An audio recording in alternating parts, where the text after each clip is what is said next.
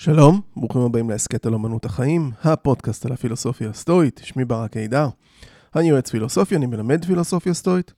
אתם מוזמנים לאתר שלי stoaisrael.com, דרך האתר אפשר לפנות אליי לשיחות ייעוץ או להירשם לקורס הבא. אפשר גם למצוא שם את הקישור גם לאתר ה Meetup, יש שם קבוצת שיח סטואי, יהיה שיח גם בזום וגם פרונטלי. היום אני אלווה אתכם לתוך ציטוט שאולי יסייע לכם ולו במעט בנבכי החיים.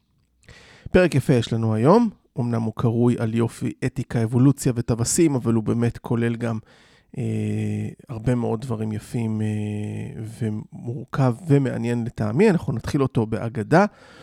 אנחנו נמשיך דרך איזשהו אפקט פסיכולוגי, אבולוציוני מעניין, ונעבור לאתיקה. בדרך נציין כמה עניינים מדעיים.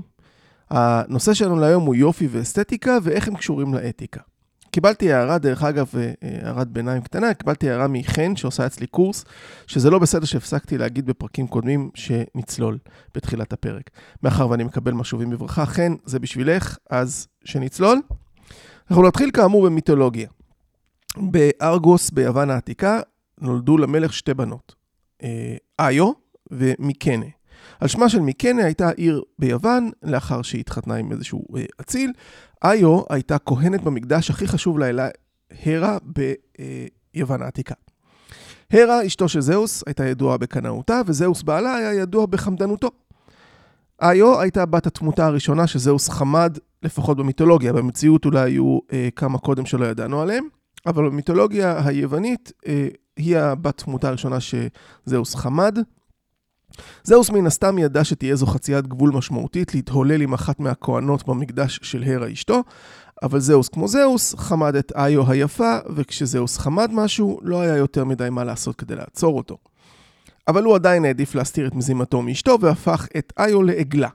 הוא חשב שאם הוא יהפוך את איו לפרה, היא תראה בשדה, אה, והרה לא תשים לב בכל פעם שהוא יגיע אליה. פרט חשוב נוסף, הפרות היו מקודשות להרה ביוון העתיקה. אז מן הסתם היא הבחינה באיו בתור פרה וחשדה בתוכנית. הרה העבירה אה, את איו לאיזשהו שדה מגודר, שלחה את המשרת שלה ארגוס להשגיח עליה. ארגוס, ששמו כשם העיר ממנה איו הגיע, הוא היה הנכד של המלך ואחיין של איו, הבן של מיקנה, כמו שאמרנו. אז על פי המיתולוגיה, לארגוס היו לו מאה עיניים, והוא כונה רואה קול. הוא השגיח תמיד על איו. זה לא הרתיע את זהוס, שכנראה המכשול רק גרם לו לרצות להשיג את איו יותר, אז הוא פנה לאל הרמס שיעזור לו. כטבעו, הרמס שמח תמיד לעשות בלאגן, הוא התיישב ליד ארגוס והחל לנגן בחליל שלו. הרמס ניגן עד שארגוס נרדם, והיצור הנאה עצם את כל מאה העיניים שלו. אז הרמס דקר את ארגוס וזהוס שחרר את איו מהשדה, אבל לפני שהוא הצליח לשנות אותה חזרה לבת אדם, הרה שלחה זבוב בקר טורדני במיוחד שעקץ את איו בנחישות רבה וגרם לה לסבל נוראי. איו ברחה דרך החוף הצפוני של הים האיגאי והיא חצתה בנקודה שאירופה הופכת לאסיה, מיצר בוספורוס שקרוי על שמה. בוספורוס משמעו מעבר הפרה. היא המשיכה אה, עד לקווקז והתייעצה שם עם פרומטאוס הטיטן שהיה כבול שם כעונש, על זה שהוא נתן לאדם את מתנת האש. איו חזרה להיות בת אדם, וזאוס כמובן הצליח במזימתו, וצאצאים משמעותיים במיתולוגיה יצאו מהזיווג הזה. הנקודה בסיפור שחשובה לנו לפרק, רלוונטית לפרק הזה, היא ארגוס האומלל. הרה התאבלה על מותו, לקחה את מאה העיניים שלו ושיבצה אותם באיזשהו תרנגול אה, עלוב, והפכה אותו לטווס. וזו הסיבה שהעוף הזה מיוחס לאל ההרה, והוא מסמל יופי, וזו הסיבה שיש לטווס על הזנב שלו סימני עיניים, לפחות לפי המיתולוגיה. זה הזמן לשבץ קצת מדע בעניין וגם סטואיות. אז ראשית אפשר לחשוב על יופי בשני אופנים. הראשון זה שילוב של תכונות, כגון צבע או צורה, אה, שנעימים לחושים האסתטיים, במיוחד חוש הראייה, אבל כמובן גם חוש השמיעה, אם אנחנו מתייחסים ליופי שבמוזיקה למשל, של בצליל, בשירה. השני זה האופן השני שאפשר לחשוב על אה, יופי, הוא תכונות שמסמכות את האינטלקט, את האינטלקט ואת החוש המוסרי. זאת אומרת, משהו שהוא גם רעיוני יותר מאשר אה, אה, אה, מוחשי. אם אנחנו נרצה את הדוגמאות, אז למשל, נוף הרים או ים, אם אני רואה איזשהו מדבר, שדות פתוחים, זה אה, יפה, יצירה אומנותית היא, היא, היא יפה, נניח ליל כוכבים של ואן גוך יכול תמיד להפנט אותי לחן מסוים. היופי מהסוג השני של שילוב תכונות שמסמכות את האינטלקטואל, אם אנחנו נעשה שילוב כזה של שתי סוגי היופי, אז מילים לשיר זה גם כן, יחד עם הלחן, יעשו את זה יפה בשתי האופנים. מעשה של חמלה, זה גם כן עניין של אה, אינטלקטואלי מוסרי שהוא יכול להיות יפה בפני עצמו, ויש כאלה אפילו שיראו במשוואה מתמטית משהו יפה. זה מהסוג השני. אז על כן, כמו שאמרתי, שיר עם מילים ולחן יכול להיות יפה בשני האופנים, גם לחושים וגם לאינטלקט, או אולי אפילו גם למוסר, תלוי בתוכן של השיר. יש חשיבות לתפיסה שלנו את היופי, כי תחושת היופי שלנו, אסתטית, אינטלקטואלית, מוסרית, מנחה את מה שאנחנו עושים, מה אנחנו רוצים ומה אנחנו מעריכים. אז זה לא רק דיון על הפילוסופיה של האסתטיקה, יש לו מרכיב פרגמטי גדול מאוד, אנחנו נגיע לזה. אז גם לסטואיות, לסטואים העתיקים בעיקר, היוונים, הייתה הגדרה של יופי. הם הבינו את היופי כסומטריה. סומטריה, למרות שהמילה קשורה כמובן למושג סימטריה שאנחנו משתמשים בו היום, הרעיון קצת יותר מורכב מסימטריה אה, פשטנית כמו שאנחנו מבינים אותה היום. יש, אה, למשהו יש סומטריה אם הוא מקיים שני תנאים. אחד, יש הרמוניה של החלקים זה עם זה, אני אסביר. והתנאי השני הוא שהחלקים בתוך השלם מתנהלים באופן משולב ופונקציונלי זה עם זה. זאת אומרת, הם עובדים ביחד טוב אחד עם השני. המושג סומטריה הגיע מפיסול בעת העתיקה. אז פסל יפה לפי ההגדרה הזאת, הוא מאופיין בהרמוניה של החלקים השונים זה עם זה, במובן זה שהגפיים, הגב, הראש וכדומה, הם צריכים להיות פרופורציונליים בצורה הנכונה לבני אדם. צריך להיות גם שיתוף פעולה פונקציונלי של החלקים השונים בתוך כלל הפסל. כלומר, אנחנו מקבלים את הרושם כשאנחנו מסתכלים על פסל, שאדם כזה באמת יכול לבצע איזושהי פעילות אתלטית. הוא נראה לנו מאוד אמין. אם תדמיינו, או, או תפתחו את גוגל רגע ותחפשו את דוד של מיכאל אנג'לו, תראו כמה מדויק ואמין הפסל. לרמת הוורידים והשרירים של הפסל, שיגיד לכם כל מי שלומד אנטומיה, שמיכאל אנג'לו מאוד דייק פה. או אם תסתכלו על הפסל שלו, הפייטה, שזה הפסל היחיד שמיכאל אנג'לו חתם עליו בחייו, וקשה להאמין שבחור בן 24 יצליח לפסל, לפסל לרמה כזאת שכפלי הבגדים של מריה נראים שם בד ולא אבן. אה, נחזור לתיאור הסטואי של יופי כסומטריה. הוא קשור קשר הדוק לרעיון שלהם של יקום רציונלי, של השגחה. וזה מתקשר לתפיסה שלהם את היקום כאורגניזם חי שניחן בלוגוס, כלומר בתבונה. הלוגוס הקוסמי הזה הוא המקור האולטימטיבי להרמוניה בין החלקים והשיתוף הפעולה הפונקציונלי ביניהם, כלומר של הסומטריה. מן הסתם, אני לא חושב שהיקום הוא אורגניזם חי, כמו שחשבו הסטרואים הקדומים, והמדע המודרני גם לא תומך בכך, אבל אי אפשר לשפוט את התפיסה של אנשים מלפני 2,300 אה, שנה, אם היינו חיים אז אה, גם אנחנו אולי היינו חושבים ככה. הם לא היו מושלמים מן הסתם, כן, יש ערך לתפיסה שלהם שהיקום כולו הוא רשת של סיבות ותוצאות, כמו שציינתי כמה פרקים בעבר. הערך הוא גם בזה שבאמת יש רשת של סיבות ותוצאות, ויש ערך לראייה דטרמיניסטית כזאת, זה מסתדר מאוד עם האתיקה הסטואית. וזו לא הטעות היחידה שהסטואים הקדמונים עשו. לדוגמה, יש עוד כמה, אני לא אציין את כולן, אה, אבל האמונה הסטואית למשל אה, בניבוי עתידות. עכשיו, למה אני מציין את זה? כי זה מתקשר גם לנושא.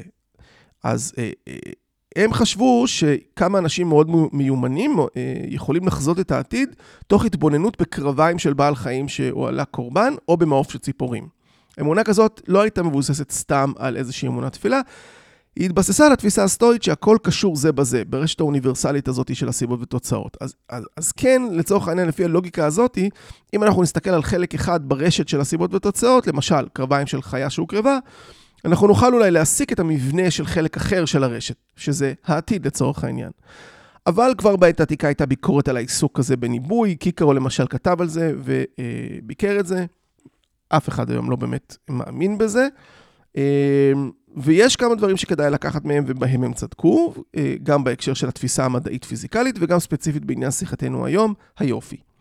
למשל דרווין נתן לנו עדויות אמפיריות שהמראה של משהו שעוצב לכדי משהו, למשהו נהיה מופק בתהליך טבעי לחלוטין וחסר מחשבה, בתהליך טבעי אבולוציוני חסר מחשבה. אנחנו קוראים לו אבולוציה על ידי ברירה טבעית. הסטואים, אני מניח, היו מקבלים את זה, אם הם היו מכירים את דרווין. סטואיות אחרי הכל היא פילוסופיה ולא דת, וסנקה כתב בצורה נפלאה שהוא כתב כך, אמנם משתמש אני בדרך סלולה, אבל אני מוצא יותר קרובה וישרה אני סולל לי אותה. מי שהגה לפנינו אותן הדעות עצמן לא נעשה אדון לנו כי היא מורה דרך. האמת פתוחה לכל, לא החזיק בה אדם לעשותה לקניינו, והרבה ממנה נשאר לדורות הבאים. זה מאחד המכתבים ללוקיליוס. אה, אז אני לא מתכוון לנבא את העתיד על ידי מעוף ציפורים כפי שנהגו בעת העתיקה, אבל אני כן אלמד מדרכם על אתיקה ועל מידות, אה, על נפש האדם, וכמו שאמר סנקה, הם לנו מורי דרך ולא אדונים.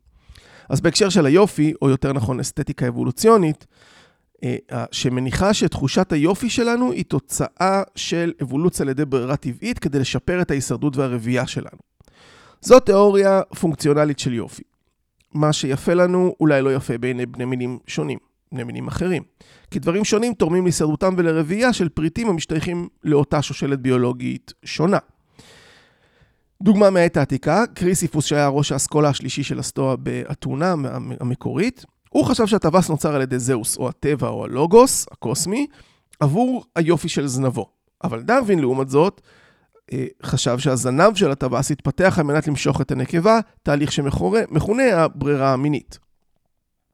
אני מקווה שהתיאור האחרון של דרווין נראה לכם יותר תואם את תפיסת העולם המדעית מאשר הראשון של קריסיפוס, שזה בשל היופי שלו.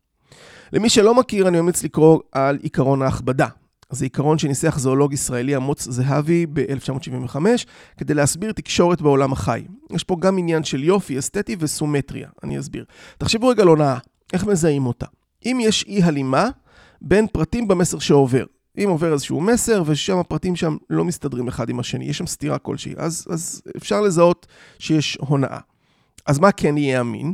ההתאמה בין המסר לאיך שמעבירים את המסר. כך שההונאה תהיה לא משתלמת. אז בממלכת החי למשל, בעל חיים מעביר מסר שהוא בריא וכשיר כדי להרתיע טורפים באמצעות הכבדה. אבל בעל חיים חלש לא יוכל להעביר את המסר הזה והוא יטרף קודם. זאת אומרת, העיקרון ההכבדה נועד לאיזושהי התפתחות אבולוציונית כדי להמחיש את החוזק של אותו בעל חיים, שלא כדאי לבזבז עליו אנרגיה, ועדיף להשאיר, לבזבז את האנרגיה על בעל חיים אחר, שלא יכול לזייף באמת את החוסן שלו. כדי שהסימן יהיה אמין ויקשה על פרט אחר לזייף אותו, האות צריך להיות יקר מבחינה אבולוציונית, ולהקשות על יכולת ההישרדות של הפרט. שזה לכאורה נוגד היגיון, שיש איזשהו אה, פרט בגוף שנוגד אה, את. יכולת ההישרדות. זאת אומרת שהטווס חלש, שטווס חלש לא יצליח לזייף זנב, זנב מפואר מאוד שמצריך אנרגיה משמעותית, אבל הוא גם משדר את חוסנו של הטווס ותורם ליכולות, ליכולתו ברבייה ובהרתעת טורפים. כשפרט רואה סימן שמכביד על בעליו, הוא מניח שפרט זה כשיר יותר מזולתו. זה שאינו מצויד בסימן כזה, בסימן אה, אה, מפואר כזה שיכול לגרום להאטה בבריחה למשל. זהבי פרסם את הרעיון לראשונה במאמר ב-1975, אולם הוא נדחה בהתחלה על ידי הקהילה המדעית, כיוון שזה נראה שזה סותר איזשהם הנחות יסוד של תורת האבולוציה. היחס לרעיון של זהבי השתנה בערך 15 שנה מאוחר יותר, לאחר שאחרים הראו באופן פורמלי שעיקרון ההכבדה הוא אסטרטגיה יציבה מבחינה אבולוציונית. כיום רוב החוקרים בתחום מכירים בכוחה להסביר לפחות חלק מהתופעות שנצפות אה, של תקשורת בקרב בעלי חיים. אחת הדוגמאות המפורסמות ליישום של עיקרון ההכבדה הוא בהסברת התנהגותו של צבי. לא פעם כשצבי מבחין באיזשהו טורף הוא נעמד, מתחיל לרקוע ברגליו ומשמיע קולות, כשהוא מישיר מבט לעבר הסכנה. אם הטורף מתקרב, הצבי מפנה את אחוריו אל הטורף ומתחיל לנטר כלפי מעלה, באמצעות כל ארבעת רגליו, זאת אומרת במקום, לא בורח. קשה להסביר את ההתנהגות הזאת שמסכנת את הצבי כשהוא אה, חושף אותו לטורף, שאולי לא היה מודע לקיומו. זאת אומרת, הוא התחיל לקפוץ, יכול להיות שהטורף לא היה רואה אותו קודם. ובכך אה, ההתנהגות הזאת היא גוזלת ממנו גם זמן, גם מאמץ יקרים שהיו יכולים לשמש אותו במנוסה. אבל זה מסר לטורף על פי עקרון ההכבדה. ההכבדה. בהתנהגותו מפגין הצבי את חוסנו בצורה אמינה. הוא, זה נראה אמין שהוא יכול באמת לברוח. הקולות וקביצותיו של פרט חלש או חולה היו מסגירות את מצבו בקלות, מה גם שההסתכנות בקרבה יתרה לטורף היא רבה ביותר עבור פרט שאינו יכול להימלט במהירות. לטורף כדאי לשים לב לאותות האלה ולהעדיף מרדף משתלם יותר אחר, אחר אה, אחד הפרטים החלשים יותר. ניבוי, ניבוי זה זכה לאישוש בתצפיות שטח, שבהם נראה שהטורף מעדיף לרדוף אחרי הפריטים שהחלו במנוסתם ולא אחרי הצבי המקפץ.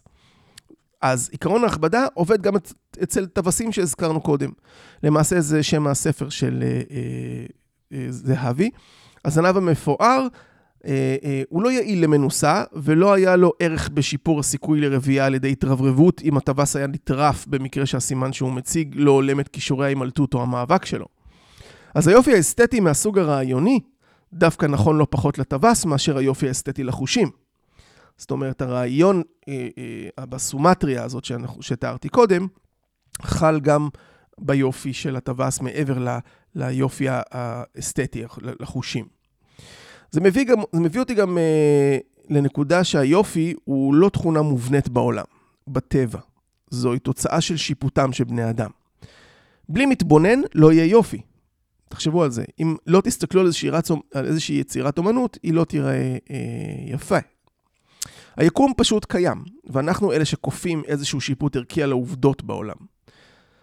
זהו שיעור סטואי בסיסי, שהמדע המודרני יכול להסכים לו. כמו שאפיקטטוס מזכיר לנו שיש הבדל מכריע בין דברים ואירועים חיצוניים מחד גיסה, לבין השיפוטים שלנו לגביהם מאידך גיסה. במדריך, בספר אה, מדריך 5, הוא כותב, לא המציאות מטרידה את בני אדם, כי המחשבות שלהם והדעות שלהם על המציאות. למשל, המוות אינו דבר נורא כלל. אולם, המחשבה שהמוות הוא דבר נורא, היא עצמה הדבר הנורא. אם כן, כאשר דבר מה מעכב אותנו, מטריד אותנו, גורם לנו כאב, אנחנו לא צריכים להאשים לעולם מישהו אחר, זולת עצמנו, כלומר, את דעותינו שלנו. כך אומר אפיקטטוס. והוא מבין הרי שהמוות הוא חלק מהטבע, אז הוא לא דבר נורא אלא טבעי, אבל השיפוט שלנו הוא זה שרואה בזה משהו רע. זה נכון גם ליפה ולמכוער. הם שיפוטים ערכיים שלא קיימים בטבע, אלא רק אינדיבידואלית אצלנו, אפילו אם הם מושפעים תרבותית או אבולוציונית. בואו נכניס עוד משהו למשוואה, את אפקט ההילה. מחקר מצא שלדמות נאה, או מושכת, מישהו או מישהי שמושכים, יש להם אפקט הילה חיובי. כאשר אנשים נוטים לייחס תכונות אישיות רצויות חברתית לאנשים שמושכים פיזית. מספר מחקרים תיעדו את אפקט העילה הזה, כאשר רוב המחקרים משתמשים בדגימות מערביות, אבל יש גם מחקר שביקש לבחון את אפקט העילה ב-45 מדינות שונות ב-11 אזורים בעולם. המשתתפים התבקשו לדרג 120 פרצופים על אחת ממספר uh, תכונות. התוצאות הראו שאטרקטיביות קשורה באופן חיובי לרוב תכונות האישיות הרצויות מבחינה חברתית. ליתר דיוק, בכל 11 אזורי העולם, פנים של גברים ונשים שדורגו כמושכים יותר, דורגו כבעלי יותר ביטחון עצמי, יציבים רגשית, אינטליגנטיים, אחראיים, חברותיים ובעיקר אמינים יותר.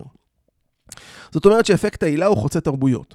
הבעיה עם אפקט העילה, שאנשים, נות... שאנשים נוטים לחשוב שאנשים שהם מושכים הם אמינים, אחראים וטובים מבחינה מוסרית. אבל אין שום קשר בין יופי פיזי לאופי. אנחנו עושים טעות חמורה אם אנחנו חושבים שיש. אז הסטואים הקדומים חשבו על יופי כסומטריה, מושג שמרמז על הרמוניה בין חלקים ויחסים פונקציונליים בתוך השלם. הם שאבו את התיאוריה האסתטית שלהם מתפיסתם של היקום החי ורציונלי, אבל נראה שתפיסת העולם המדעית המודרנית לא תואמת את רעיון הסטואי של יקום אורגני חי, אז את זה אנחנו נשים בצד. עם זאת, המדע המודרני מספק אלטרנטיבה סבירה להסבר של סומטריה, האסתטיקה האבולוציונית ועיקרון ההכבדה. חשוב אבל להדגיש, מכיוון שאין קשר אמפירי, אה, קשר מוכח בין יופי פיזי למוסר, אנחנו צריכים להיות זהירים מאוד כאשר אנחנו פועלים על בסיס איזשהו חוש האסתטיקה שלנו, ולייחס תכונות חיוביות לדברים מושכים בשל אפקט העילה. אני לא יכול לסיים את הפרק הזה בלי לציין בכלל את מרקוס אורליוס, בעיקר שיש לו מה לומר על העניין. יש שני תרגילים רוחניים שמרקוס אורליוס עושה, שהם לכאורה הפוכים לגמרי. אה, אני אתחיל דווקא ב... ב אה, לא ב... בתרגיל הרוחני שנועד למנוע מאיתנו ליפול ל... ל... למלכודת האבולוציונית של הנאה והמושך, אלא דווקא לשני להפוך. ובספר השלישי של מחשבות לעצמי הוא כותב, נוסף על כך עלינו להשגיח בדברים כגון אלה. התוצאות הנלוות לתהליכים טבעיים ניחנות אף הן בהדר כלשהו ובקסם. למשל, הלחם הנאפה תופח ונבקע בחלקים מסוימים. והנה, המבקיעים הללו, אשר במידת מה סותרים את כללי האפייה, יש בהם מן החן, ובדרכם המיוחדת הם אף מעוררים בנו תיאבון למאכל זה. זאת ועוד, תאנים בשיא ש... בשלותן נפגעות, נפגעות ונפערות. נתבונן בזיתים בשלים למסיק, הלא עצם היותם על סף ריקבון מוסיפה לפרי הוד מיוחד. שיבולים, המרכינות ראשן, קמטי מצחו של אריה, הקצף הניגר מפיותיהם של חזירי בר, וכן תכונות אחרות לרוב, אשר בבדיקה פרטנית אינן חינניות כל עיקר. בכל זאת, יש בהן כדי לקסום ולרתק מש משום היותן נלוות לתהליכים הטבעיים. לפיכך, אם ניחן אדם ברגישות ובהבנה עמוקה כלפי המתהווה ביקום, חלק חשוב, אזי אין כמעט דבר אשר לא ייראה בעיניו נעים בהווייתו. אף מבין אותן התוצאות נלוות ונסיבתיות. אדם כזה יתענג למראה מלתעותיהם הממשיות של חיות טרף, לא פחות מלמראה ייצוגיהם האומנותיים של ציירים ופסלים. באישה או באיש, באים בימים הוא ימצא מעין זיו פריחת עלומים, אף יוכל לראות את עבדיו החביבים בעיניים נבונות, וכן עוד דברים רבים כאלה, אשר לא כל אדם ייתן בהם אמון. זולת מי שיתוודע באמת ובתמים לטבע ולמפעליו, לא בלבד נכונו, נכונו חוויות הללו. אני אגיד את זה עכשיו, אני אגיד את זה גם אחר כך, אני מאוד אוהב את הציטוט הזה, ונסביר. הציטוט שאותו עכשיו הקראתי תורגם לדוקטור אברהם ארואטי, הוא תרגם התוצאות הנלוות לתהליכים הטבעיים ניחנות אף הן בהדר כלשהו ובקסם. בתרגום של דוקטור אהרון קמינגה כתוב, עוד בזה עלינו להתבונן, כי יש מחזות מצטרפים במקרה למעשה הטבע. יש אה, הבדל קל בין שני התרגומים. התרגום של אהרון קמינקה של יש מחזות מצטרפים במקרה למעשה הטבע קרוב יותר לתרגום האנגלי שתרגם incidental effects. זאת אומרת, יש תהליכים מסוימים של הטבע ויש להם תהליכים אה, אה, אקראיים. מרקוס מאמין ביקום בו הכל פנימי והכל הוא חלק מרשת של הסיבות והתוצאות, אבל יש אקראיות. לדוגמה, הלחם הנאפה תופח ונבקע בחלקים מסוימים, והנה הבקיעים הללו אשר במידת מה סותרים את כללי האפייה. לנו זה אקראי. ליקום במציאות זה תהליך טבעי. דהיינו, השיפוט שלנו הוא זה שנותן לזה את הערך של יפה או לא. גם הדברים האקראיים שלא תוכננו מעוררים בנו תיאבון. במקום אחר מרקוס כותב שנכון להתבונן בדברים באופן אובייקטיבי, וזה התרגיל הרוחני ההפוך. אה, אה, נכון להסתכל בדברים באופן אובייקטיבי בלי הערך שאנחנו נותנים להם, וכך הם לא ייראו לנו מושכים, מפחידים או דוחים. למשל בספר 6 הוא כותב, כמו שלמראה התבשילים וכל מיני מאכל, המחשבה מתעוררת. הרי זה פגר של דג או של עוף או של חזיר, וכן למראה היין הטוב הפלרני, הרי זה רק מיץ ענבים. והוא מרחיב קצת יותר בהקשר, אבל התרגיל פה הוא שהוא לוקח את היין שנחשב ליוקרתי, והוא אומר זה רק מיץ ענבים. הוא מוציא ממנו את אפקט ההילה. אז בציטוט מהספר השלישי, הציטוט הראשון שהקראתי, הוא דווקא עושה הפוך, הוא מבקש למצוא חן בדברים שבדרך כלל הוא לא היה מוצא בהם שום דבר מיוחד. שיבולים שמרכינות ראשן, קמטי מצחו של אריה, הקצף שניגר מפיותיהם של חזירי בר, ותכונות אחרות לרוב, שאם אנחנו נעשה את הבדיקה הפרטנית, אינן חינניות כל עיקר. בכל זאת יש בהם כדי לקסום ולרתק משום היותן נלוות לתהליכים הטבעיים. אז הוא אומר לנו למעשה הכל בטבע הוא באמת יפה. זה תרגיל רוחני שונה שעושה מרקוס מפירוק האובייקט שמוצג לנו כדי להימנע מאפקט ההילה, מעבר לערך שאנחנו נותנים לדברים. הוא מציע לנו להתבנן ברגישות והבנה על תהליכים ביקום, בטבע, ואז כל דבר יראה לנו יפה. אם זה מלטעות טורפים, אם זו אומנות, אם אלה בני אדם אחרים. באופן מדהים הוא מבין את אפקט העילה, שיש איזה מחקרים מודרניים, מרקוס הבין את ההשלכות שלו כבר אז. הוא מציין את, את עניין האמון, לא כל אדם ייתן בהם אמון, זולת מי שהתוודה באמת ובתמים לטבע ולמפעליו, לא בלבד נכונו החוויות הללו. הוא מודע לכך שאנשים לא ייתנו אמון בדברים שלא נראים להם נעים. אבל אם נסתכל על הטבע ברגישות והבנה תהליכית, נוכל לתת אמון בדברים שהם לא רק יפים באופן טריוויאלי. זה אחד הקטעים הסטוריים האהובים עליי, אמרתי את זה קודם, גם בגלל הרעיון האסתטי של למצוא קסם וחן בכל הדברים בטבע, וגם הכתיבה עצמה היא מהנגד ויפה בעיניי. יש כאן משהו נפלא בשפה גם. והתיאוריות הזאת היא עוזרת להדגיש את מה שבאמת יכול לעשות דברים נעימים, מושכים ויפים. מה שאולי יימצא מושך או לא, יימצא מושך בסופו של דבר, אה, תלוי במה שאני מוצא, מוצא אותו כחשוב בחיים. אם אני אהפוך את ההנאה, אה, רק הנאה לסטנדרט של חיי, אז אני אמשך על מה שמלהיב את התשוקות. אם אני אהפוך את העושר לסטנדרט של חיי, אז אני אמשך אל הריגוש שברכוש וברדיפה אחרי כסף. אם אני אהפוך את הכבוד לסטנדרט של חיי, אז אני אמשך לרעב, לרעבה ולרעבתנות אה, ולרדיפת כבוד. אבל אם אני בוחר לסדר את חיי סביב הטבע, אני יכול להריץ משהו לא בגלל שהוא מספק את אהבותיי, חמדנותי או יהירותי, אני יכול לתפוס את זה כאטרקטיבי פשוט כי אני מזהה את ההשפעות של זה שהוא עושה את מה שהוא אמור לעשות, של מילוי החלק המובהק שלו בסדר של כל הדברים שמחוברים ידיו, יחדיו ביחד ביקום. מזכיר לכם את הסומטריה. בדיוק, זה בדיוק ההגדרה של הסומטריה שתיארתי קודם, שדברים משתלבים אינטגרטיבית ופועלים יחדיו במציאות. היופי הוא, ההבח... הוא בהבחנה בתפקודו ותכליתו של כל דבר, גם אם למראית עין זה נראה בלתי מושך בדרכים אחרות. זקנה אף פעם לא צריכה להיות דוחה, והנוער לעולם לא צריך להלהיב. כל אחד מגלה באמצעות מעשיו מה הופך אותו לראוי בדרכו שלו.